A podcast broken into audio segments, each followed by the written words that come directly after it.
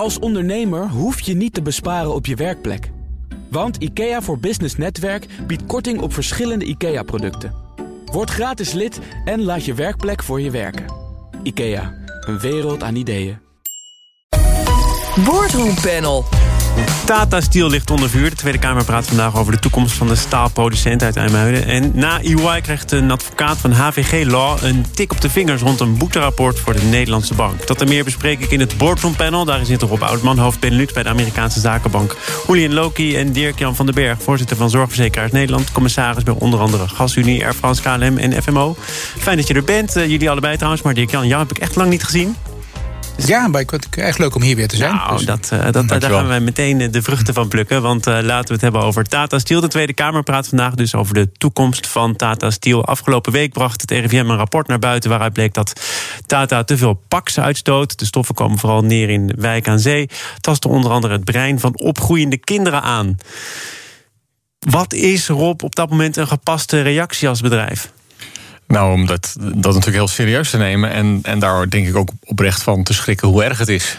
En dat uh, volgens mij uh, gebeurt het ook. Maar ik denk ook dat je natuurlijk ook moet, gelijk moet laten zien dat je actie onderneemt. En als je dat niet doet, dan gaan er allerlei politieke krachten uh, een rol spelen die dat voor jou gaan doen. Ja, maar die, die opgroeiende kinderen, daar is de topman, de directievoorzitter van Tata Steel ook naar gevraagd. In Nieuwsuur en in NRC nog afgelopen dagen. Waarin dan wordt gezegd: jullie doen een hoop, maar kun je nu garanderen dat je de uitstoot naar zo'n pijl brengt? Dat die kinderen veilig kunnen buitenspelen. En dan zegt hij zoiets als: ja, we gaan ons uiterste best doen en uh, we, doen, we doen wat we kunnen. Ja. ja. Wat, wat kun je meer doen dan dat dan? Ja, ja, dat is inderdaad. Wat kun je meer doen? Ik denk dat je, mm, dat je in ieder geval zou moeten laten zien wat er, wat er nog meer zou kunnen gebeuren. Anders dan alleen maar wijzen naar. of wij houden ons uitsluitend aan de wet en daar voldoen we allemaal aan. Ja, nou, dat is natuurlijk wel een belangrijk punt ook. Dat in de, de bespreking waard is. Want Tata voldoet aan alle vergunningen. Kan zelfs met droge ogen zeggen: wij doen meer dan wettelijk van ons gevraagd wordt. Dus de politiek, tenminste zoals het nu is ingericht, staat machteloos om Tata tot meer te dwingen en te dringen dan het nu al doet. Hoe krijg je dan toch nog weer een versnelling in die zaak? Kijk, ik denk dat we allemaal wel ervaren dat in onze samenleving we onze dronken drinken aan, aan feiten en meningen. En dat geeft ook een enorme werveling in publieke opvattingen, publieke meningen, waar je als bedrijf natuurlijk ongelooflijk mee te maken krijgt. En voeg daarbij dat we in een politiek discours zitten waar het accent toch in de laatste 10, 20 jaar wat verschoven is van het leidinggeven aan publieke opinie naar het volgen van publieke opinie. Dus je weet, als het in de samenleving kolkt, dat dat vroeg of laat ook in jouw boardroom terecht gaat komen. En dat betekent dat anticiperen, anticiperen op hoe het zich gaat met de, met de omgeving van je bedrijf, de maatschappelijke omgeving van je bedrijf, ongelooflijk belangrijk wordt. En het betekent ook dat gevestigde posities niet meer bestaan. Dus bedrijven die denken van wij zijn zo groot, ons maken ze niks. Dat is echt van voorbije dagen, zal ik maar zeggen. Dus ik zou daar maar eens heel goed over nadenken hoe je kunt anticiperen. Want Van den Berg zegt dat ook, toevallig mijn maagenoot, zegt dat ook, eh, denk ik, met zoveel woorden. Van we hadden misschien wel wat eerder moeten beginnen met daarover nadenken. En of je dan voldoet aan de regeltjes zoals we nu zijn, dat is nou, het laat zien dat op zichzelf Tata Steel heus wel een net bedrijf is die de dingen goed probeert te doen. Maar dat helpt je toch niet in dit debat. Nee, maar ik denk dat er ook nog een nuance is. Want er is uitgebreid ook in nieuws geweest dat de milieuautoriteiten uh, uh, meerdere malen hebben toegegeven dat ze veel te weinig kennis, capaciteit, kunde in huis hebben om uh, effectief echt te controleren op al die wet en regelgeving. Dus Tata Steel kan het wel roepen. En, en, waarschijnlijk is het ook wel zo. Alleen het feit is dat er gewoon veel, veel te weinig mensen aan het meten zijn geweest. Waardoor het zo lang heeft geduurd dat het nu in de, in de publiciteit komt. Hè. En dat, dat maakt de burgers denk ik ook wel echt woest. Ja, maar wat eh, Van den Berg, de andere dus ook zegt, Hans van den Berg van Tata Steel, wat jij aangeeft, we hadden misschien eerder moeten bewegen. En dat illustreert hij met het feit dat hij in 2018 duizend brieven kreeg, klachten over Tata Steel, drie per dag. Ja. En dat daar toch kennelijk uh, te weinig mee gebeurd is. En dat in het licht van de publieke opinie. Het feit dat toch het uh, nieuws dat Tata Steel misschien geen al te beste uitwerking heeft op de regio, op IJmuiden en ook de, de randgemeente, die vandaag van zich laten horen. Dat is toch allemaal geen nieuw gegeven? Dat kan dan toch uit een bedrijf nee, zelf komen om daarop te anticiperen? Ja, hoe kan het zijn dat het de RIVM daar nu pas een rapport over schrijft, denk ik dan? Hè? Dus uh, wanneer, waarom, waarom duurt het toch zo lang? Terwijl dit al, nou, tientallen jaren speelt in allerlei vormen en terugkomt. Uh, dat het nu zo urgent wordt. Dat, nou, als je als bedrijf niet tijdig ingrijpt, dan raak je op een gegeven moment de regie kwijt. En dat is denk ik ook. Uh, ja. maar Dirk-Jan, wie is dan het bedrijf? Afgelopen zondag was een oud-directeur van Hoogovens de gast in Buitenhof, Piet Joustra. En die zei: als je echt iets wil veranderen bij Tata, dan moet je niet kijken of het in IJmuiden voor elkaar komt. Dan moet je niet naar Den Haag wijzen. Nee, in Mumbai. Daar zit uiteindelijk. Ja, wat zeg je? De aandeelhouder. De aandeelhouder, precies. En die heeft de afgelopen tijd niet zo heel veel liefde voor Tata IJmuiden getoond. Is ook uh, verder uitgebreid naar voren gekomen de afgelopen jaren... dat er natuurlijk uh, gesproken werd over fusies, overnames, afgeketst allemaal. Maar moet dan de verandering niet zozeer vanuit India komen?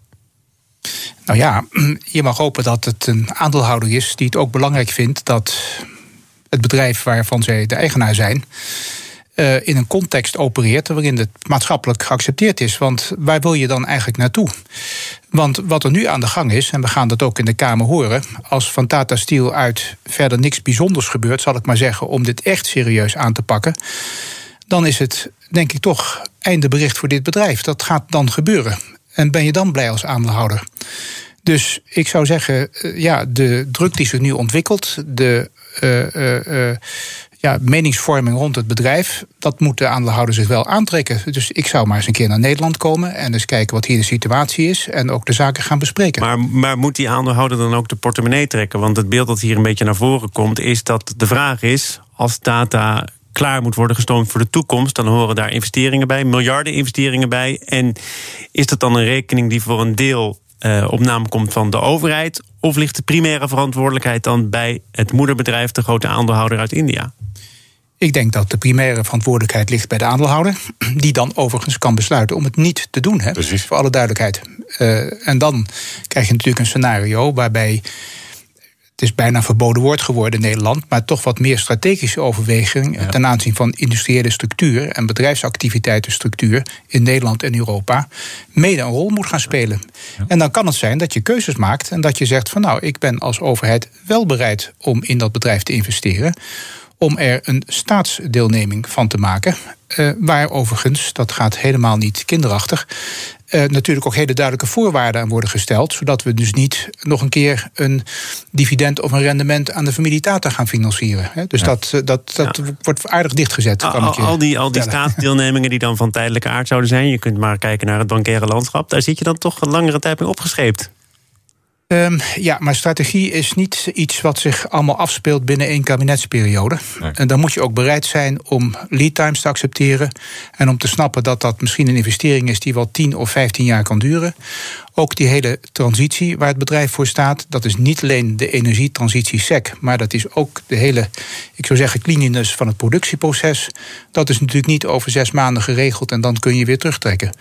Dus het vraagt wel ja, ondernemerschap van de kant van de overheid om met dat soort vraagstukken aan de gang te gaan. Nee, dat, dat uh, zeker. Kijk, uh, er zijn uh, 30.000 mensen uiteindelijk van hun baan direct en indirect afhankelijk van, van het bedrijf. Voor de energietransitie hebben we ontzettend veel staal nodig. denk maar eens aan die windmolens, onder andere. dus het is, het, het, je moet hier uiteindelijk als overheid inderdaad wel een strategie gaan vormen. Dan kun je vragen, willen we dat in Nederland doen, ja of nee? Hè? Dus op lange termijn komt ongeveer een derde van de wagenpark aan CO2 wordt door hoogovens veroorzaakt. En de bedrijven daaromheen. Nou, want, want, want Hans van den Berg zegt ehm, we hebben staal nodig. De hele samenleving is gebouwd op staal. En dan kan je dat maar beter hier maken. Waarom is dat zo'n 1 2 Er is toch staal genoeg? Er was een, overs, een, een overschot aan staal. Waarom moet dat per se uit Amuiden komen? Ja, nou, dat is ook een stuk inderdaad. Hoe belangrijk vinden we dat om strategisch dat in Nederland te, te behouden? Hè? En met name ook de hoogwaardige producten. Ja, ja, want dan heel veel mensen verdienen ook hun geld ermee. Dus, dus er, is, er, is, er is staal en staal, hè? Nee, maar de beste staal komt uit Amuiden. Dat weet iedereen. Ja. ik, ik, weet niet, ik weet niet waarom dat er altijd bij wordt gezegd. Dat wij de enige echt hoogwaardige producent van. Ja, van omdat we natuurlijk een relatief hoge koststructuur hebben, dan moet je wel. Als je simpele commodities levert, dat is al lang eh, vaak verdwenen. Uh, en dan kun je zeggen, oké dan uh, moet het Nederland maar uit. Maar dan wordt die CO2 op lange termijn ergens anders uitgestoten. Netto, netto schieten we daar nou als samenleving of als wereldmaatschappij er iets mee op. Hè? Dus, dus het zou het mooiste zijn als we met behulp van technologie in staat zouden zijn, zonder die CO2-uitstoot en zonder die vervuiling, uh, hier toch mooie dingen te nou, Er liggen nu volgens mij twee opties concreet op tafel. Namelijk, we gaan nog even door op de huidige voet en de CO2 die dat uh, aan uitstoot oplevert, die slaan we op. Of je zegt, en dat schijnt duurder te zijn, we slaan een stap over en we gaan naar waterstof. Dat doen we nog op basis van aardgas, maar zo snel mogelijk kiezen we dan voor groene waterstof, mocht dat beschikbaar zijn. Ja. en dan is de vraag dus inderdaad: is dat dan het bedrag, de investering waard? Nou ja, kijk, als, als niet op korte termijn al uh, de, de, de zorg om de volksgezondheid opgelost gaan worden. En dat kan bijvoorbeeld uh, de meest verontreinigde onderdeel dacht ik, Hasco.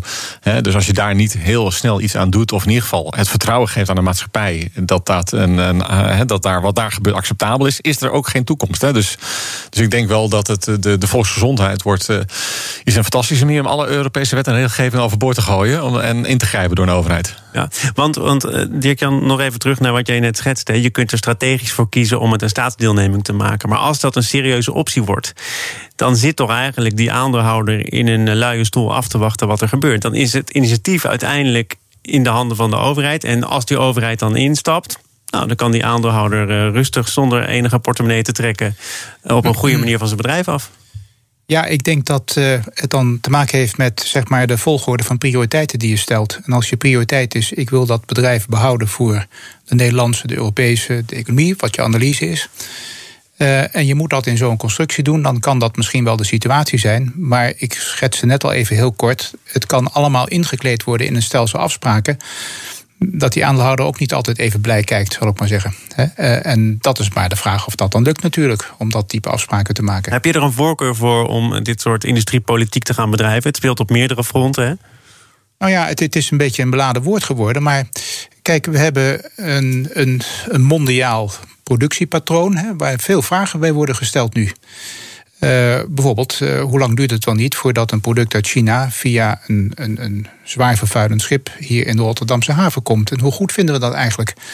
En dat komt omdat een heel, heel veel van de, van de externe kosten, van de milieukosten, komt niet terug in de prijs. Dus, en de trend in de industrie is uh, reshoring of onshoring. Dus, precies, dus, precies. Moet allemaal dus weer terug. Ik, ik, vind dat je die, die vraag best mag stellen. En, en, en ja, de vraag moet gesteld worden, denk ik. En het antwoord kan ook zijn: nee, dat is niet nodig, want we halen het wel uit Zuid-Korea of zoiets. Hè? Eh, prima. Uh, dan is dat het antwoord. We gaan uh, naar andere vragen en hopelijk ook andere antwoorden. Ja. BNR Nieuwsradio. Zaken doen. Thomas van Zeil.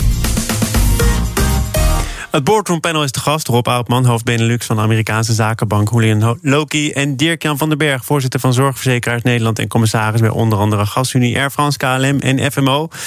Een ingewikkelde kwestie. Ik uh, ga aan jou vragen, Rob, om dat even kort te schetsen. Maar een advocaat van advocatenkantoor HVG Law... heeft van het Hof voor Discipline een tik op de vingers gekregen... voor het aandeel in een boeterapport dat moest worden opgesteld voor de Nederlandse bank. Het werk van de advocaat was volgens het Hof onzorgvuldig, suggestief, tendentieus, misleidend. En het is niet voor het eerst dat dit soort woorden vallen. Eerder werd ook al de accountant EY op de vingers getikt. En dat boeterapport, dat. Uh, wilde DNB opstellen omdat het in 2017 een boete had opgelegd aan een vermogensbeheerder. Um, en daar werd een beroep tegen aangetekend. En toen besloot DNB om die zaak nog eens te gaan bekijken. En wat is er toen gebeurd? Ja, eigenlijk heel raar wat er gebeurd is. De DNB legt een, een boete op. Uh, en vervolgens gaan ze een accountskantoor die uh, controles doet vragen om daar een rapport over te schrijven. Om dat eigenlijk recht te breien.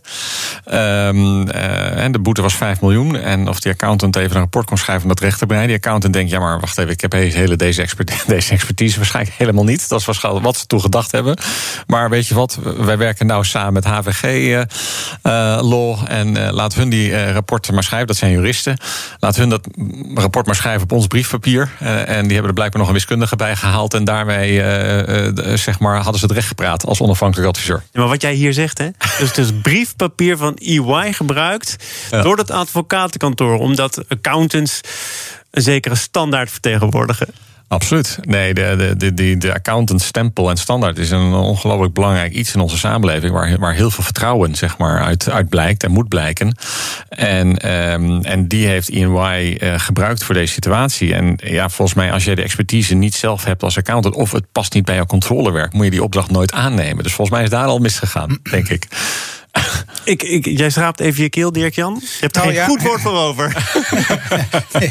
Ja, ik moet zeggen dat ik ben wel een beetje verbaasd... dat als het gaat over het maken van een som... dat een accountant zegt, ik kan het niet... en dan gaat naar een advocatenkantoor. Die een wiskundige eh, inschakelt, hè? Ja, fantastisch. Dat wel. Fantastisch, ja, dan moet het wel goed zijn. Misschien was het wel een econometrist, dat is nog beter. weet, dat nog beter. Zelf ook. Dat weet je zelf ook. Ja, goed, oké. Maar even, even, even kijkend naar de zaken, een beetje sec ook. Eh, hoe gek was het nou eigenlijk? De Nederlandse bank stelt een boete vast. De hoogte van de boete wordt aangevochten. En er wordt een externe mening gevraagd, rapport gevraagd... om nog eens een keer te kijken naar de hoogte van de boete. So far zou ik zeggen, redelijk goed. Uh, het was helemaal mooi geweest als dat ook een keuze was geweest van de partij die de klager was, zal ik maar zeggen. Want dan heb je een soort ja, mediation traject, zou ik bijna zeggen. Hè? Uh, dus als dat de intentie was, dan is het allemaal nog niet zo verkeerd gegaan, denk ik. Uh, maar dan gebeurt er natuurlijk toch wat geks. Dat er een rapport tot stand komt waar eigenlijk twee dingen mee aan de hand zijn. Uh, het wekt de indruk dat het een AI-rapport is, maar dat is het niet. Het is een rapport van een ander. En het tweede is dat er ook een aanbiedingsbrief bij het rapport zit. Waar wat, wat aantekeningen worden gemaakt bij dat onderzoek. Ja, relativeringen met name. Hè? Ja, uh, vaak zijn aantekeningen relativeringen. Ja. Excuus, meneer de dat is, uh, ja. Maar goed, in ieder geval, uh, dat, dat is wel wonderlijk. Want ja. eigenlijk hoort dat wel bij dat rapport. Dat hoort een integraal onderdeel, onderdeel te zijn van het rapport. En juist een accountant zou daar toch wel enorm aan moeten hechten om dat heel duidelijk te kaderen. Ja. Dat getal wat in dat rapport genoemd wordt. Plus het feit dat ze duidelijk hadden moeten aangeven: het staat wel even op ons briefpapier, maar het is niet ons werk. Ja, maar het dat, feit dat, dat die aanbiedingsbrief uh, nergens meer te vinden is, dat zou het werk zijn van DNB, die die aanbiedingsbrief bewust heeft achtergehouden. Maar waarom is het ook gesplitst? Had in het rapport moeten zitten. Ik, ik denk ja. dat daar ook weer vanuit de DNB.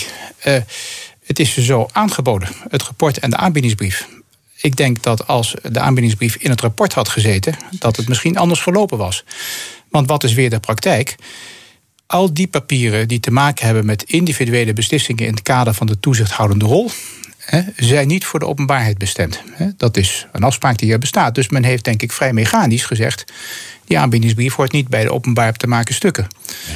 Uh, ja, en nu kijken we er achteraf naar en zeggen we: Goh, wat was dat gek. Maar misschien was het op dat moment helemaal niet zo gek. Feit is wel dat daar oordelen zijn geveld over hoe dat rapport eruit ziet, wat er gezegd is in die aanbiedingsbrief, de manier waarop het rapport aangeboden is, die gewoon niet mals zijn. Maar die komen toch vooral, denk ik, heel sterk op het bordje van, uh, van AI en van, en van uh, uh, Ja, dat zijn overigens kennelijk bedrijven die elkaar, zoals dat in het FD omschreven werd, vaker de bal toespelen. Ja, ja want het is ook de praktijk van de business van de accountancy, is dat uh, doorgaans het echte geld verdienen met hun collega-adviseurs. Dus de accountant heeft vaak de klant, want ja, iemand heeft een controle nodig. Uh, dus dus het, is, hebben fantastisch, het is een fantastische trichter waar al die klanten er binnenkomen. En vervolgens probeer je die klanten altijd te bedienen. Dus in die commerciële afweging kun je dus van DNB graag een, een opdracht aannemen, ook al heb je daar de expertise niet. En dan haal je daar collega's bij. Nou, ze mogen niet onder dezelfde naam samenwerken. Dat is op een gegeven moment uh, onmogelijk gemaakt. Dus uh, anders had het EY Law ge geheten. Dat is op een gegeven moment ook nog wel even de trend geweest. Ja. Dus nu hebben ze allemaal weer een eigen naam. Uh, maar er zijn natuurlijk nog altijd bepaalde fee-afspraken. Dus, ja, maar, maar je staat erbij te glimlachen. Maar ja, maar ik weet hoe het werkt. Ook uit verbazing, of niet? Of ja. is dit gewoon... Nou ja, ik, ik, ik, ik, ja, ik denk... Ik vind het heel raar toch dat, dat zo'n... dat, dat er dan 5 miljoen boete wordt opgelegd... die ook 16.000 euro kan, kan blijken. Ja, maar dat is nu teruggebracht tot 16.000 euro. Precies, dus, dus, dus blijkbaar uh, kan uh, vanuit een DNB is dat dus dusdanig uh, extreem kan dat verschillen. Um, dus dat vind ik al, heel opvallend. en dan vervolgens ook nog een, dat dan weer um, nou ja, EY daar de, eigenlijk mensen daar vragen een rapport over te schrijven terwijl die expertise niet hebben. Ja, had je nooit moeten aannemen die opdracht. Dus ik blijf, ik blijf, het een heel raar verhaal vinden.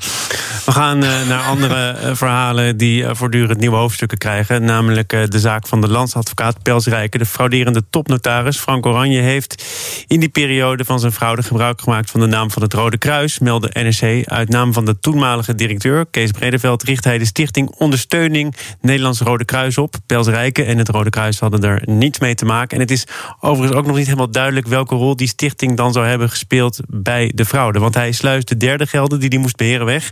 En dat deed hij dan hoofdzakelijk via overboekingen naar bankrekeningen op naam van de door hem opgerichte stichtingen. Ja. Um, ja, dit blijft maar dooretteren. Um, hoe, hoe kan je hier als bedrijf het best mee omgaan? Sta je hier ook weer van te kijken?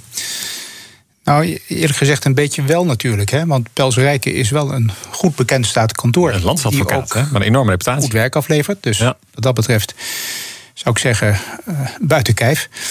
Um, ja, je hoopt natuurlijk als bedrijf dat je de laatste steen kunt omkeren. En dan met een eindconclusie komt van zo heeft het in elkaar gezeten. En blijkbaar is men daar nog onvoldoende zeker over dat men inderdaad de laatste steen heeft gevonden om om te keren, om het zo maar eens te zeggen. Dus men blijft voorzichtig op dat punt. Terwijl je natuurlijk dolgraag een punt erachter wil zetten. Dat is duidelijk. Maar nog even naar wat hier dan gebeurd is. Er is namelijk een, een stichting opgericht waarvan uh, het Rode Kruis uh, het bestaan niet eens uh, wist. Ja, Laat staan nee. dat er instemming is gegeven. Ja. Als ik nou op jouw naam een stichting wil beginnen, kan dat dan zomaar? Um, ik denk dat je een stichting een naam mag geven. Ja, zeker. En, en dat, en dat vrijheid van de oprichting in Nederland. Ik zat zelf te denken aan de stichting Dirk-Jan van den Berg. Ja, Um, ja, dat, dat, ik, ik, ik, heb het nog niet nagekeken of dat nee, bestaat. Dus maar, ik kan ook inderdaad Stichting Ondersteuning BNR uh, Radio oprichten... en, en dat, geen haan die ernaar krijgt. we hebben het hard nodig, dus als je dat zou willen doen... Maar, is dat, is dat, is dat uh, vreemd? Er moeten daar ook wat nee, nee, vragen over gesteld worden? Nee, volgens mij als je, ja, heb je die vrijheid. Er is geen, geen controle erop, anders dan als je niet dezelfde naam gebruikt die al bestaat. En voor de rest, uh, als jij daar last van hebt... dan moet je iemand maar een proces te beginnen, beginnen tegen iemand. Ik, ik denk als je nou kijkt naar Welsrijken... dat is echt een goed kantoor heet dat te zijn. Dat is het ook. Maar toch wat lessen. Ik denk wat je hier ziet. Iemand die tientallen jaren lang, want dat is dit geval zo, eigenlijk zijn eigen praktijkje binnen een geheel. Geen checks and balances. Geen checks and balances. Ja. Dat is dus blijkbaar vragen moeilijkheden als die persoon niet wel intentioned is. En dat is hier dus duidelijk gebleken. Ja. Dat is één.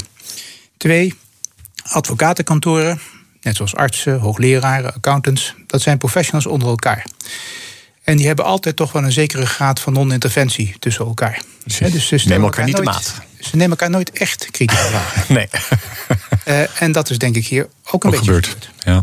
En dan is het zo, hoe heb je je organisatie ingericht? En dat heeft te maken met je lines of defense. Hoe zit het met een tweede handtekening? Hoe zit het met vier paar ogen? Precies. En ik denk dat het op al die drie punten...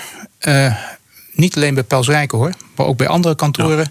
De schroeven wel eens wat harder mogen worden aangedragen. Wat nu gaat gebeuren, hè? overigens. Pelswijk ja, heeft natuurlijk ook gezegd... wij eh, gaan wat zaken anders organiseren. Dat moet ook, en dat heb je bij de accounts ook gezien. Hè? Op een gegeven moment, de accounts hadden exact diezelfde cultuur... en nu is dus de verplichting opgekomen voor onafhankelijke commissarissen... om in ieder geval vanaf bovenaf checks en balances en interne controles gewoon in te bouwen. Hoeveel rapporten waren daar wel niet voor nodig? Heel veel van nodig, maar ik denk inderdaad dat uh, de heel veel advocatenkantoren... nu tot dezelfde conclusie komen. Want je ziet dus als je het, uh, elkaar niet te maat neemt... En, en geen goede checks en balances en geen interne controles hebt... dat je dan met bepaalde ja, advocaat met, een, met een sterrenstatus uh, dan helemaal ontsporen.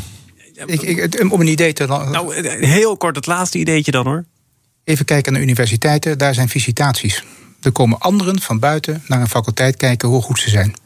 En ik denk dat dat een praktijk is die je ook op andere dienstverlenende sectoren, want onderzoek en onderwijs is een dienstverlenende sector, ook zou nou, moeten toepassen. Ik had, ik had deze suggestie niet willen missen. Fijn dat hij er nog net in past. Dirk-Jan van den Berg van de Zorgverzekeraars Nederland... commissaris bij GasUnie, Air France, KLM en FMO.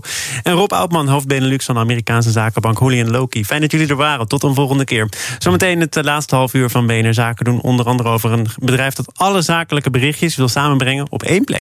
Een kleine update maakt een wereld van verschil. Daarom biedt IKEA voor Business Netwerk gratis snelle interieurtips en ideeën. Word gratis lid en laat je werkplek voor je werken. IKEA, een wereld aan ideeën.